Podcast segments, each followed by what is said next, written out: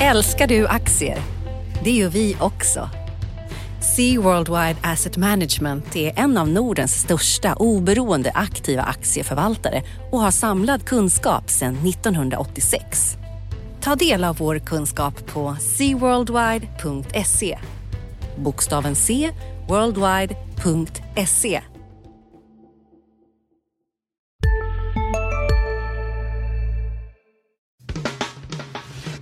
Analyspodden från Dagens Industri. Hej allihopa och välkomna till Dagens Industris analyspodd. Podden där vi går igenom de viktigaste händelserna på finansiella marknader i veckan som varit och veckan som kommer. Jag heter Johanna Jansson och mitt emot mig här i studion på Dagens Industri har jag Martin Blomgren. Hej! Hej, så är det. Vad, vad ska vi prata om? Vi ska prata som vanligt mycket om börsen eh, och sen har det varit en stor centralbanksvecka. Där ska du få reda ut för mig och alla andra vad det Gud vad spännande. Ja, ja, jag nördar ner mig i dessa grejer. Ja. Och sen ska vi prata lite om eh, internet och mat. Och sen så ska vi väl blicka fram lite på en riktigt tungviktare som kommer med rapport nästa vecka. Just det. Den är jag särskilt intresserad av faktiskt. Mm. Jag är nyfiken. Det tror jag många är. Ja. Då, men om vi börjar med, med veckan som varit. Vad, eh, vad var det du ville veta? Vad jag vill veta? Nej, eh, men ska vi börja med, med börsen innan vi Ja, ja men det, det är sant. Med... Då, då, är det faktiskt, då undrar jag lite, hur, hur har det egentligen gått på börsen? Vi hade en stökig sommar, vi har haft en liten återhämtning nu. Mm. Har du några siffror du kan ge mig? Eh, ja, det har ju kommit tillbaka. Det var nästan nere på noll eh, när det var lite svettigt under sommaren efter dåliga rapporter och den vanliga lite sommaroron. Säsongsmönstret på börsen har kan man säga följt planen väldigt, väldigt väl. Det är upp på våren fram till maj, sen är det sell in May, lite dåligt på sommaren och eh, början på hösten också lite Mot svag. alla förväntningar har det blivit som förväntat. Ja, så ska man kunna säga. Det är en anomali då att man ska kunna följa historiska mönster men, men just det här mönstret eh, har stått sig även det här året. Och sen så har det piggnat till lite grann nu på slutet och eh, det kanske inte är så konstigt. Det är, börsen är upp ungefär 7% från årsskiftet och eh, jag tittar de senaste dagarna fram till fredag när vi sitter här så är 10 av 11 dagar på plus. Eh, men det är ganska små rörelser så det är liksom inget som sticker ut. Och, och det, är det, hur är likviditeten? Är det tunt eller är det? Det är ju lite mellanperiod så här nu är mellan rapportperiod och eh, nästa rapportperiod. Och det, så kommer det vinstvarningar som det gjorde från Fingerprint till exempel och då blixtrar det till lite men annars är det ganska, ganska och, stillsamt. Och bolag som har haft kapitalmarknadsdag den här De veckan har gått som... Har belönats för det, ja. precis. Um, Ja, så det, så det, blir, det får små, små, eller små, det kanske inte är små nyheter, men nyheter får stor effekt just nu. Stämmer ja, det? Eller? Ja, jag skulle säga att i de fallen som det har uh, rört på sig ordentligt där vid kapitalmarknadsdagar och vinstvarningar så har det ändå varit riktiga nyheter. Det har inte varit så att man har bara huggit på någonting för att det ska huggas. Utan uh, Outlive då, som, uh, det var i förra veckan, som, mm. som gav beskedet att de ska dela upp sin verksamhet i aktiv och passiv säkerhet. De fick belöning för det och sen så Thule som kom med nya finansiella mål denna veckan steg på det. Så mm. det är ju riktiga och Fingerprint har fått en smäll ja. på grund av sin... Precis. Men, men om man tittar liksom på hela omvärldsklimatet så är det ju, det, det är tillväxt i hela världen. Alla OECD-länder växer som omväxling mm. samtidigt som i Sverige då, eh, finanspolitiken är väldigt mm. expansiv och mm. räntan är på minus. Och apropå OECD, de eh, gav en positiv prognos här i veckan och fortsätter att räkna med liksom ändå hyfsad tillväxt i världsekonomin. Ja, så mm. ganska höga värderingar men, men det mesta blåser ju ändå på att, att vinsttillväxten i företagen ska, ska fortsätta. Och sen så är det ju då the rocket man som kan störa bilden och uh, som var ute och... Men det är väldigt, samtidigt väldigt svårt att handla på. Det ja. är ett orosmoment men hur, man kan inte prisa in Nej, man kan en inte del det, men, av ett kärnvapenkrig. Men liksom. ofta har det varit eh, i slutet på veckan då som, mm. som eh, Nordkoreas eh, ledare, stora ledare, det vi pratar om då, som, som eh, öppnar munnen och pratar om sina mm. raketer som ska explodera och då, då är det ju så att kanske inte alla vill sitta med ett stort aktieinnehav över helgen. Så det är väl det som får att Precis, är och är det lite så att man, jag vet inte, håller du med om den här beskrivningen då? Att det går bra mm. eh, ändå, världen växer. Mm. Eh, men att efter en så pass lång uppgång i tid som vi har haft så är alla ändå lite försiktiga. Man vill inte sitta man vill inte vara sist kvar om det skulle vara så att folk springer mot dörren. Är det en korrekt beskrivning tycker du? Ja, det tycker jag är en bra beskrivning. Och man sen, liksom väntar lite på vad ja, som skulle kunna hända. Ja. Men många konjunkturindikatorer är också på höga nivåer, inköpschefsindex och, mm. och många aktier slår nya eh, rekord som inte har gjort på länge. Vi ser Volvo till exempel i veckan, lastbils-Volvo då, inte bil-Volvo. eh, satte nytt rekord. Senast det hände var då i, eller förra rekordet var då sommaren 2007 som, som ju många drar paralleller med i dagsläget. Då, att det var då börs, hela börsen vände ner samtidigt som Volvo vände ner. Så att när det är som Det var väldigt ljusast, exceptionellt för vår, precis när, när det är som ljusast så ska så ska man väl vara försiktig. Det är frågan om det är som ljusast nu eller om Precis, för om det är lite en- klu- om man tänker sig, om man skulle vilja jämföra med, vi pratade, du, du sa det här om historiska mönster på börsen, Mm. så är det ju även när man är, ska vara konjunkturbedömare tittar man ju mycket tillbaka och Mm. sett, ja, men hur har det sett ut förut och kommer vi följa samma mönster igen och så här. Om du skulle välja ett, ehm, vad ska man säga, en konjunkturperiod eller en period som du tycker att dagens situation liknar, är det just 2007 eller skulle det snarare vara kanske 99? Vi har högt värderade IT-aktier. Eh, vi har haft liksom en, lång, eh, en lång uppgångsfas, vi har haft låga räntor ett tag. Så här. Nu har vi inte börjat höja räntorna än, men i den... Mm. Ja, det är en bra fråga. man hade det, då, det är eller? någon slags Eller är det slags giftermål 70-talet mellan, med, eh, med giftermål terrorism och... Ja, jag skulle säga att, att, att det är någon slags giftermål mellan 99 och eh, 07 då, för att det, det är både techboomen eh, och skillnaden nu är att de här företagen tjänar ju väldigt mycket pengar och är dominanta på riktigt. Det är inte bara att de ska bli det någon gång i framtiden. Men också då att industrin har, har kommit upp ordentligt som det var 2007 och då var det ju prat om superkonjunktur och Kina skulle Kinas investeringar skulle spilla över på allt annat. Nu är det då USA och Trump samtidigt som Kina som investeringarna ska dra. Så att det finns ju paralleller till båda dem, men, men man vet ju först i efterhand när toppen var nådd och det skulle kunna vara så att vi har en, en konjunkturuppgång framför oss också där investeringarna kommer igång. För hittills har det inte varit så mycket tunga investeringar för att oljepriset har gått ner, man har inte riktigt vågat. Och nu börjar ändå bra. offshore, eh, liksom industrin pigga på sig lite. Ja, vi har sett, jag träffade Wärtsilä, då, ett stort eh, finskt eh, verkstadsbolag i veckan som är, har, precis som Alfa Laval, en stor exponering mot eh, fartygsmarinmarknaden eh, och den har varit helt bottenfrusen förra året, lägsta på 30 år. Nu har det andra kvartalet pignat till ordentligt och man har börjat bygga mer fartyg. Och så det, bransch efter bransch börjar liksom komma tillbaka och, och eh, så det, det mesta pekar ju uppåt nu men då är det frågan om det är, om det är som ljusast eller om, om vi är liksom på förmiddagen och att man har ett par timmar kvar innan man ska gå och lägga sig. Mm, jag, jag tycker precis som du, världen växer och sen så är det de här orosmomenten och de går ju, det går ju inte att göra prognoser på Nordkorea på det sättet. Men det är klart att de faktorerna finns som orosmoment. En annan vd som var optimistisk här i DI nyligen, det var Stora Ensos vd som stod i DI Börs, DIs Börsmorgon här i veckan och han sa att han tryckte mycket på att men de ser verkligen att Europa har vaknat till och det är en otroligt viktig marknad för de flesta svenska börsbolag. Så det är också någonting positivt. Äntligen då efter flera års kräftgång så ser man en, en bättre efterfrågan i Europa och lite, man ser faktiskt att maskininvesteringarna till och med har tagit lite fart även på global basis. Så att, Mm, ja, det är det som kanske måste dra om för att man vet ju hur börsen fungerar så att den vänder inte ner samtidigt som konjunkturen vänder utan Helst den vänder ju när, ett och ett halvt år innan. ja, precis, när. Mm. riktningen börjar bli, när, när det inte längre ökar utan när det, när det fortfarande är högt men, men inte fullt lika högt som månaden innan och, månaden innan dess. Det är då börsen börjar dra öronen åt sig och, Mm.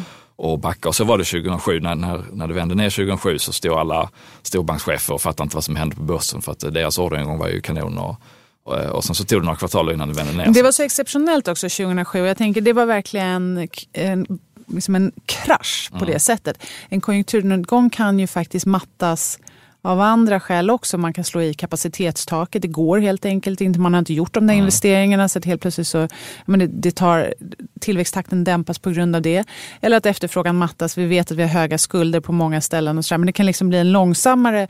Det behöver inte bli bomber och granater, varken i Nordkorea eller på finansmarknaden utan det kan vara den här.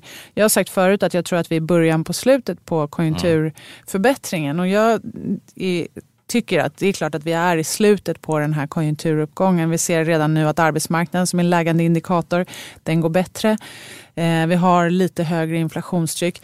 Det är ändå sådana saker som för företagen, nu ska det ju börja knapras egentligen. Visst, de får en högre åter, eh, orderingång, men det ska också börja knapras lite på deras marginaler i termer av högre kostnader. Jo, för löneinflationen den har ju liksom inte funnits där, så man har inte Nej. behövt öka lönerna speciellt mycket till de anställda. Men man har kunnat sälja mer då i den första fasen av, av uppgången. Mm. Så det ska ju komma in. Eh, vilket kanske leder oss in till centralbankerna. Ja, precis. Det, Eh, de stora, det rätta mig kan om man jag fel, också- Fed har kommit med, med Räntebesked. och Mm. QT ska du få förklara för eh, vad det innebär. Och Ja. eh, QT på en Riksbanken minut. har Riksbanken har lämnat protokoll. Just det. Varsågod Johanna Jansson. Kick it. Eh, nej men QT, det vad Fed gör nu är alltså att de, de har ju börjat med räntehöjningar redan eh, och tagit det i väldigt långsam takt. De, precis som ECB, Bank of England, Riksbanken och Bank of Japan så har ju de köpt på sig en stor mängd statsobligationer för att liksom trycka upp likviditeten i ekonomin. Och nu ska man då försöka krympa den här stora balansräkningen. Ja.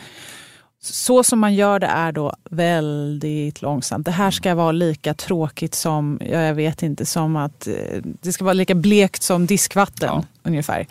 Eh, för att man vill inte stress, liksom få någon uppgång i riskpremier och så på marknaden. De gör helt enkelt så att de gradvis kommer låta en del av den här obligationsportföljen förfalla. Eh, det vill säga de återinvesterar inte. När obligationen förfaller så får man ju normalt pengar och då har de tidigare återinvesterat det och köpt nya obligationer. Det kommer de inte göra utan de kommer ha ett litet förutsatt schema då och låta en del av det här förfalla. På så sätt så krymper balansräkningen gradvis eh, under de närmaste åren. Och det är det som kallas kvantitativ tightening. Ja, och det är väl egentligen precis, eh, inte så mycket att de de tar ju tillbaka likviditet, eller snarare de tillför inte ny likviditet. Nej. Men det är egentligen inte så att de plockar bort, för de säljer ju ingenting. Nej. Vad gör Utan, de av pengarna de får in då? Eh, de, de, har inte tryckt nya sedlar egentligen, men när de har köpt de här statsobligationerna mm. så har de gett pengar till bankerna. Så att de pengar som de får in, det går via en transaktion till bankerna. Men det, likviditeten kommer inte att öka i samma takt mm. framöver. Det är det det handlar om. Så att marknaderna kommer inte få samma tillskott av likviditet som man har fått. Och det samtidigt som att ECB då drar ner på takten i sina tillgångsköp så betyder det att de finansiella tillgångspriserna de kommer inte få samma mm. skjuts, inte samma knuff i ryggen längre av det här. Och då ska det ju till att, då, det, återigen då, då behövs det ju någonting annat mm. om man vill tro på fortsatt stigande Ja, och man såg hur USA-börsen eh, dippade under några minuter egentligen bara när, när det här QT-programmet Det var ju väldigt kom. väntat att de skulle göra det här och egentligen är det ju ett sundhetstecken. Ja. Jag tror att marknadsreaktionerna på Fed, det handlade nog mer om att de fortfarande säger att de tycker att det finns anledning att höja räntan i december. Och också att de spår ytterligare tre, de gör en sån här ränteprognos, ledamöterna, där de säger att de kan höja räntan tre gånger nästa år. Och det är mer än vad marknaden har i sina prognoser. Så att det här, liksom, den här gradvisa nedtrappningen då av ehm, liksom QT. Man, QT helt enkelt. Den var väntad. Ja. Det var mer det här med ränteprognoserna som var lite på marginalen, mer hökaktigt då än vad marknaden hade tänkt sig. Ja. Och om vi går över till svenska sidan då, eh, Riksbanksprotokollet från senaste mötet. Ja, Hade du, fanns där, det något nytt att hämta där egentligen? Ja, nej, och ja och nej. Jag tänker så här, mycket av det som handlar om Riksbanken just nu på marknaden, lite sådär surret, mm. är vem som ska efterträda Stefan Ingves när hans mandat går ut här efter årsskiftet. Han har ju suttit i 12 år, det är ganska lång tid, två mandatperioder. Han kan mm. få förlängt, då kan mm. han sitta i fem år till. Men troligtvis så kommer han ersättas av någon annan. Och frågan är, betyder det då liksom att, hela, att de ska lägga om politiken helt och hållet? Jag säger att det kommer in en, en stark efterträdare som, har en, som är duktig på att argumentera för att räntan har varit alldeles för låg. Och, eh, vad, vad, tror du, finns det någon chans då att, att en sån person kan liksom få med sig hela direktionen det är ju ändå bara människor, det är inte så att mm. man sitter på ett eget litet rum och, och trycker på knappar utan de diskuterar ju och någon som är duktig på att argumentera borde ju kunna skifta det här skeppet lite mot räntehöjningar. Om det är den nya personen vill. Vad tror du? Jag tror att eh, Riksbanken kommer höja räntan tidigare än vad de säger oavsett vem som sitter som chef för direktionen. Nu säger de att de ska börja höja gradvis från september nästa år. Svensk ekonomi går bra. Eh, det var ett, de hade problem med fallande inflationsförväntningar. Så här, det problemet finns inte riktigt längre. Jag förstår att de inte vill ge upp den här taktiken. De har liksom gått all in på någonting. Mm. Det var konstigt att lägga alla sina pengar i mitten på pokerbordet och sen så helt plötsligt gå ur den och säga så här jag lägger mig, ja. jag viker. Utan nu kör de det här racet. Jag, jag, kan förstå det på ett sätt, men det är ett ganska högt spel. Jag ja. tror att de, de, har, de behöver inte fortsätta längre. Sen så tror jag så här, om det kommer, när det kommer in då en, ny, en ny chef, det beror ju förstås på vem det är, men det ska nog mycket till för att det kommer in någon som svänger om det här skeppet, precis som du är inne på. Det är inte bara Stefan Ingves som har fört den här politiken, ja. de har en hel penningpolitisk avdelning som gör prognoser, de har fem andra direktionsledamöter som alla var eniga över det sista beslutet. Ingves, visst han har använt sin utslagsröst några gånger men inte, som sagt inte i det senaste beslutet.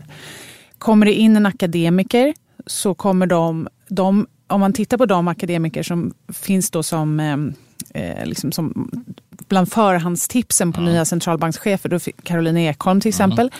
Hon var väldigt duvaktig. Hon var liksom, ville inte höja räntan 2010 när e- Riksbanken gjorde det. Hon eh, har en ganska pragmatisk syn på hur man kan förhållandevis, men hon är ändå akademiker och akademikerna har inte tyckt att det varit fullt så kontroversiellt med den här minusräntan som många andra mer praktiskt lagda. Samma sak med John Hassler som sitter i vår skuggdirektion här på DI. Han har också varit ganska försiktig och sagt att den här högkonjunkturen är inte så stark som man kan tro om man bara tittar på tillväxtsiffror. Eh, vad finns det mer för människor som, eh, som brukar... Jens Henriksson är väl kanske mer praktiskt och han sitter mm. som vd för Folksam. Eh, Kerstin Hessius är ett annat namn på AP-fonden. AP ja. Mm. Eh, de kanske är lite mer praktiska med erfarenhet från finansmarknaden och sådär. Men jag tror ändå som...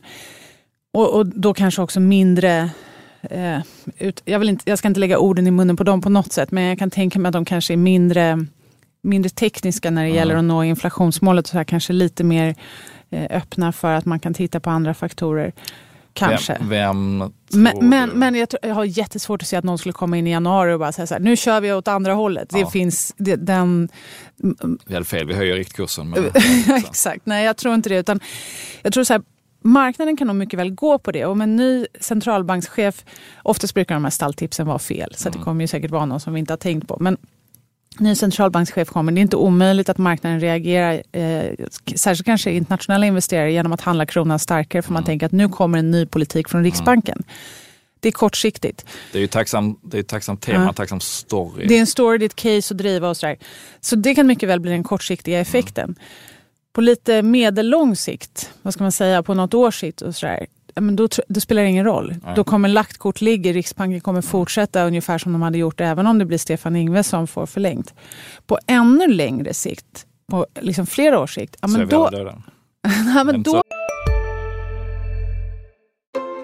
Sista dagarna nu på vårens stora season sale. Passa på att göra sommarfint hemma, både inne och ute och fynda till fantastiska priser. Måndagen den 6 maj avslutar vi med Kvällsöppet i 21. Välkommen till Mio. CSRD. Ännu en förkortning som väcker känslor hos företagare. Men lugn, våra rådgivare här på PWC har koll på det som din verksamhet berörs av. Från hållbarhetslösningar och nya regelverk till affärsutveckling och ansvarsfulla AI-strategier. Välkommen till PWC.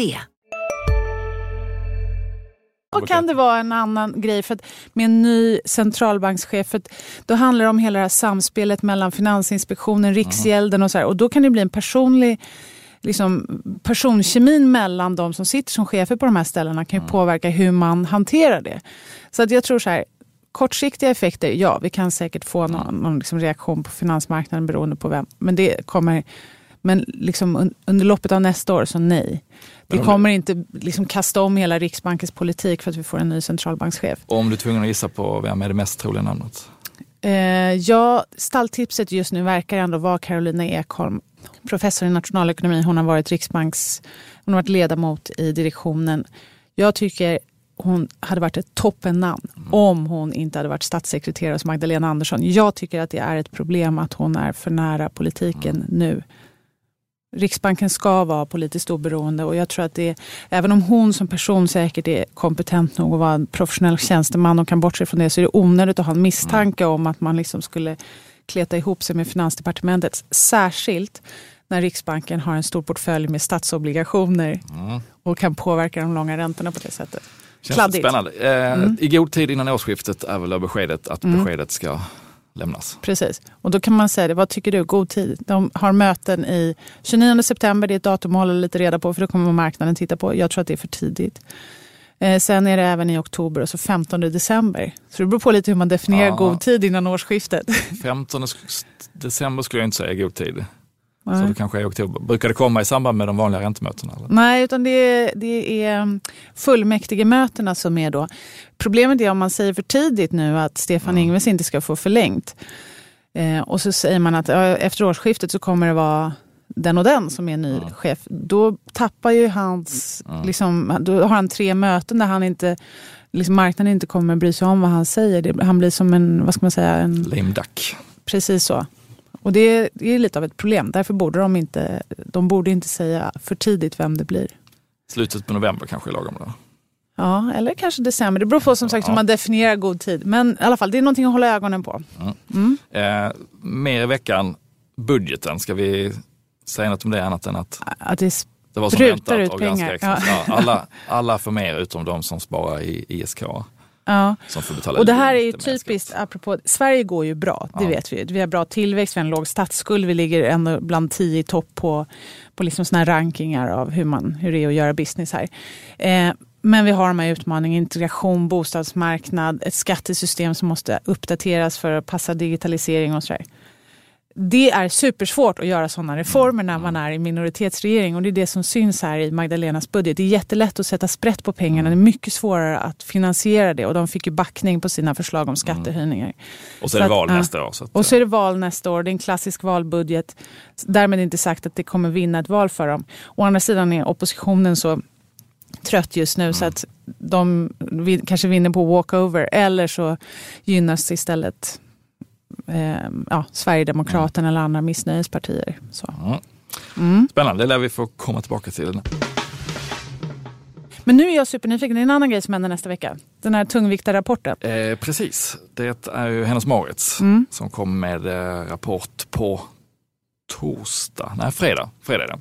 Eh, och där vet man redan hur försäljningen har varit eftersom de släpper eh, numera inte månadsvis utan kvartalsvis försäljning och den var svag men till och med lite svagare än väntat. Den kom ju förra veckan. Då. Eh, aktien reagerade ändå positivt på det och det kan man tolka då som att eh, de har gjort väldigt häftiga eh, reo under sommaren för att bli av med sitt lager och säger då att höstförsäljningen har börjat bra.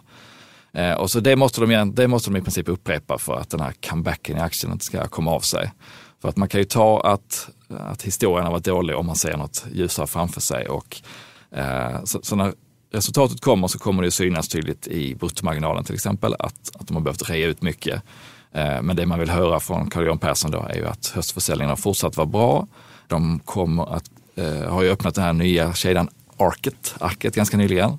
Lite indikationer på hur det har gått och sen så har de utlovat en kapitalmarknadsdag men inte när det ska hända och de har börjat sväva lite på om det faktiskt ska hända i år eller Det nästa låter, år. ja, okay. det låter lite eh, oroväckande, eller? Ja, så den, eh, för de har ju fått mycket kritik då för att Mm. eh, de är svår, svåra att nå för storägarna och inte så, så öppna och transparenta och då har de kontrat med att de ska hålla en kapitalmarknadsdag. Eh, Under hösten var det första beskedet och nu svävar de lite på det. Då, så att, eh, Och vad vill man veta mer? Man vill veta hur det går med online, hur... Man vet hur det går med online. Eh, Det har de börjat berätta lite mer om, men, men inte ändå hur stor del som är online eh, totalt, utan det är liksom, de berättar lite om, ja, de väljer ut den informationen de vill lämna helt enkelt.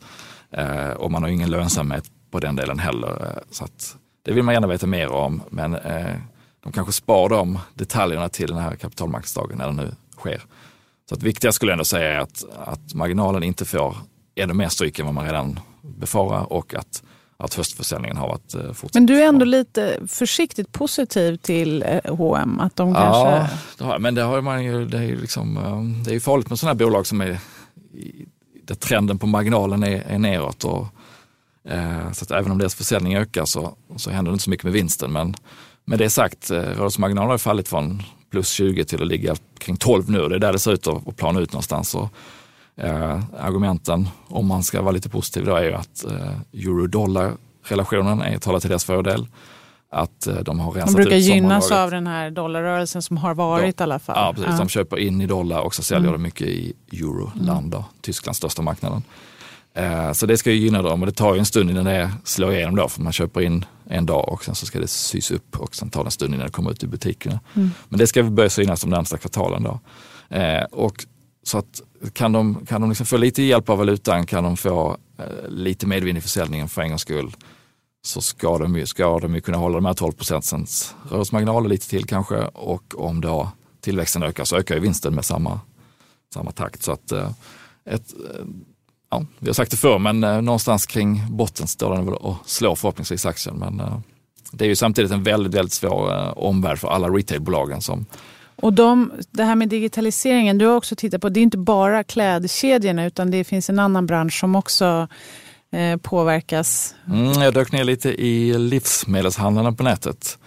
Eh, som inte alls har kommit lika långt i penetrationen. Då, utan det, I Sverige handlar det om 1,5 procent förra året. Som, Alltså som jag blev säljs online. förvånad över att en och en halv procent är online Ja. när det gäller livsmedel i Sverige. Jag hade trott att det var mer faktiskt. Ja, men tillväxten har varit hög då, Ja. men, men faktiskt eh, i avmattande takt också. Det var 30 procent upp förra året i online, på nät, eh, online eh, livsmedel på nätet. Är internet en fluga? Eller är det, vad, vad är det här? Nej, men jag tror att, att det skiljer sig väldigt mycket i den här branschen från andra därför att eh, det är ju mycket färskvaror. Det är saker som inte tåler att bli liggande på något lager eller att inte levereras i tid.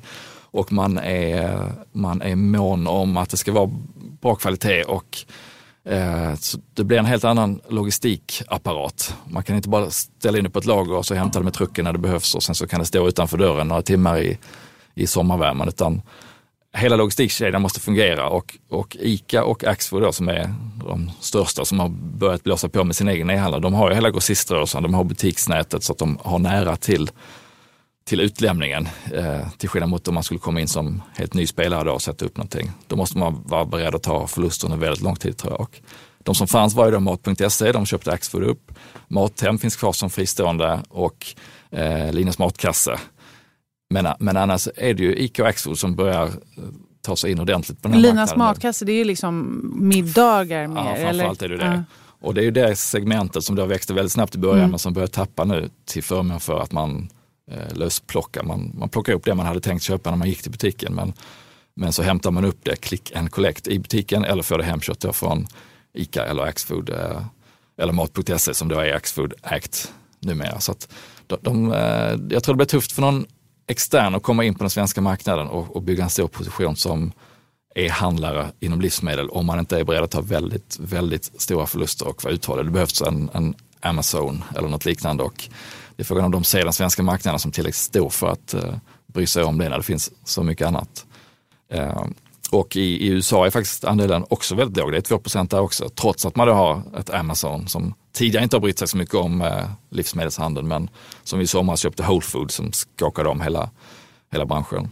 Det är ju så här, alltså, man längtar ju lite till om tio år när vi ska sitta och blicka tillbaka på det här. Och vi har facit på hur, hela, hur, Mm. Ja, hur är internet faktiskt slogs. Det man, man, det, de prognoser man gör är eh, det är svårt att veta hur det här kommer påverka. Man hade kunnat tro att köpa pasta på nätet skulle vara liksom samma grej som att köpa den i en affär. Men, men det är det alltså inte. Utan man Nej, eftersom du även ville ha en eh, fläskkotlett eller någonting i samma paket. Eller kryddor som inte har blivit mosade längst ner i påsen. Eller Ja, precis. Mm.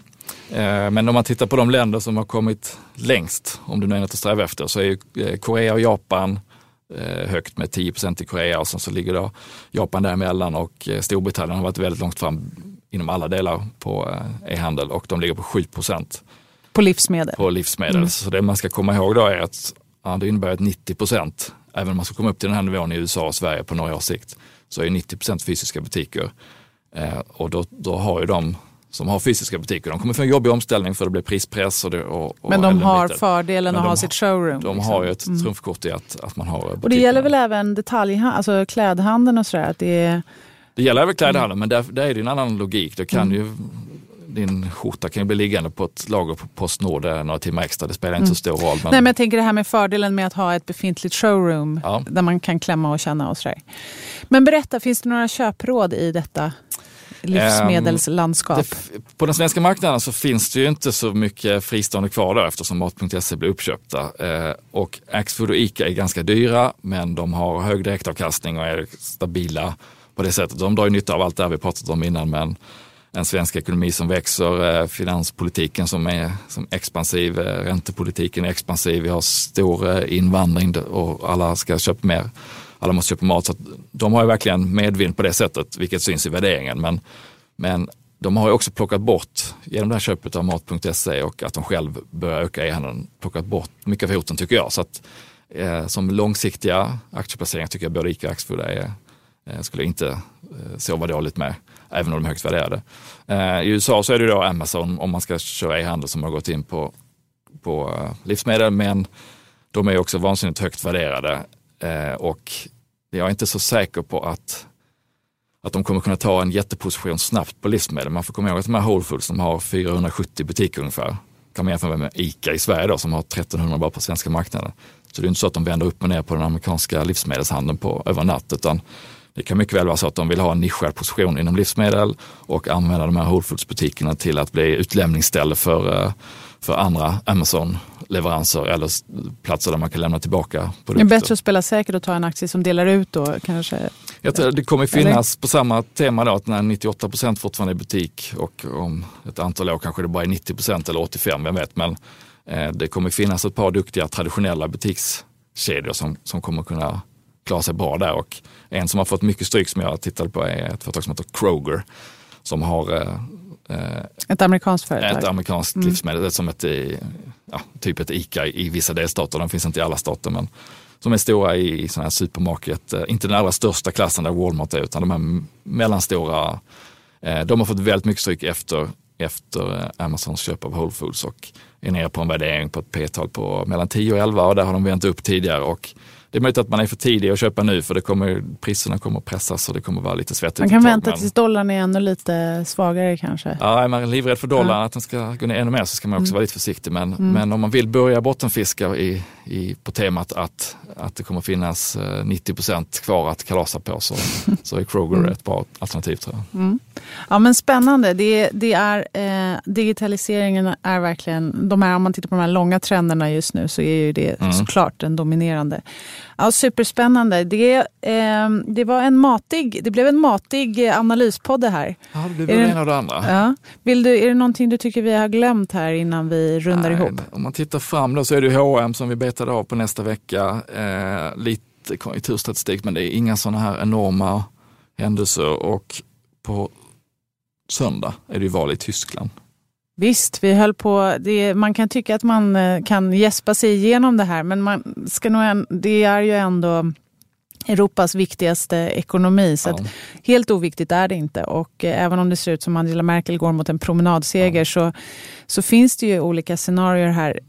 Till exempel främlingsfientliga AFD och också ytterligare ett eh, parti, FDP, som skulle kunna ta ytterligare mandat. Och gör de det, eh, vilket inte är omöjligt på något sätt, då är det inte omöjligt heller att andra CDU-politiker som tänker sig och kanske, jag menar någon ska ju efterträda Merkel, att de också svänger mer åt höger. Det skulle vara tänker jag att om man letar risker så för marknaden så skulle väl det vara den största risken. Men som sagt. Merkel vinner och men ja. håll koll på hur eh, på hur, hur det fördelar sig. Och, eh, för det kommer spela roll för mm. Europa och politiken där längre fram, så är det ju såklart.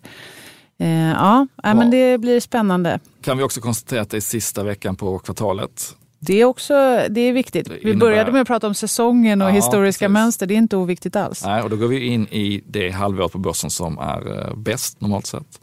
Oktober till april är en bra period att vara på börsen om man tittar på hur snittet har varit för varje månad. Eh, så det är väl lite optimistiskt och vill man vara lite rädd ändå så ska, kan man konstatera då att när finanscheferna nu börjar räkna ihop kvartalet och säger att det är tre dagar kvar att vi kommer inte ha en chans att nå våra prognoser eller marknadsprognoser. Så, då kommer vinstvarningarna. Så kommer vinstvarningarna. Så mm. eh, lite varningsflagg för vinstvarningar. Svårt att säga var de skulle komma för det som, har, det som redan har kommit, Fingerprint och eh, Cloetta, eh, det är väl ganska så, specifika. Helt olika. Ja. Det var en brand i Cloettas fall och lite råvarupriser och Fingerprint är Fingerprint. kan vara en valutaeffekter om det är så att det har gått åt fel Exakt. håll för, för bolag. Men det dollarn, också, dollarn ja. kommer kännas för många och eh, pundet har jag också. Så det skulle kunna vara det, men annars är det svårt att säga att någon skulle på liksom konjunkturmässiga Konjunkturen grunder, är stark men det finns orosmoment så att man Ja, dollarn eller mm. liksom enstaka om man är i nisch mm. eller om man helt enkelt inte mm. sköter sitt eget företag bra så finns ju den risken. Speciellt under den här sista veckan och, och första veckan på nästa kvartal. Mm. Stay tuned helt Stay enkelt. Tuned. Ja. Tack för den här gången. Tack, tack. Analyspodden från Dagens Industri. Podden redigerades av Umami Produktion. Ansvarig utgivare Lotta Edling.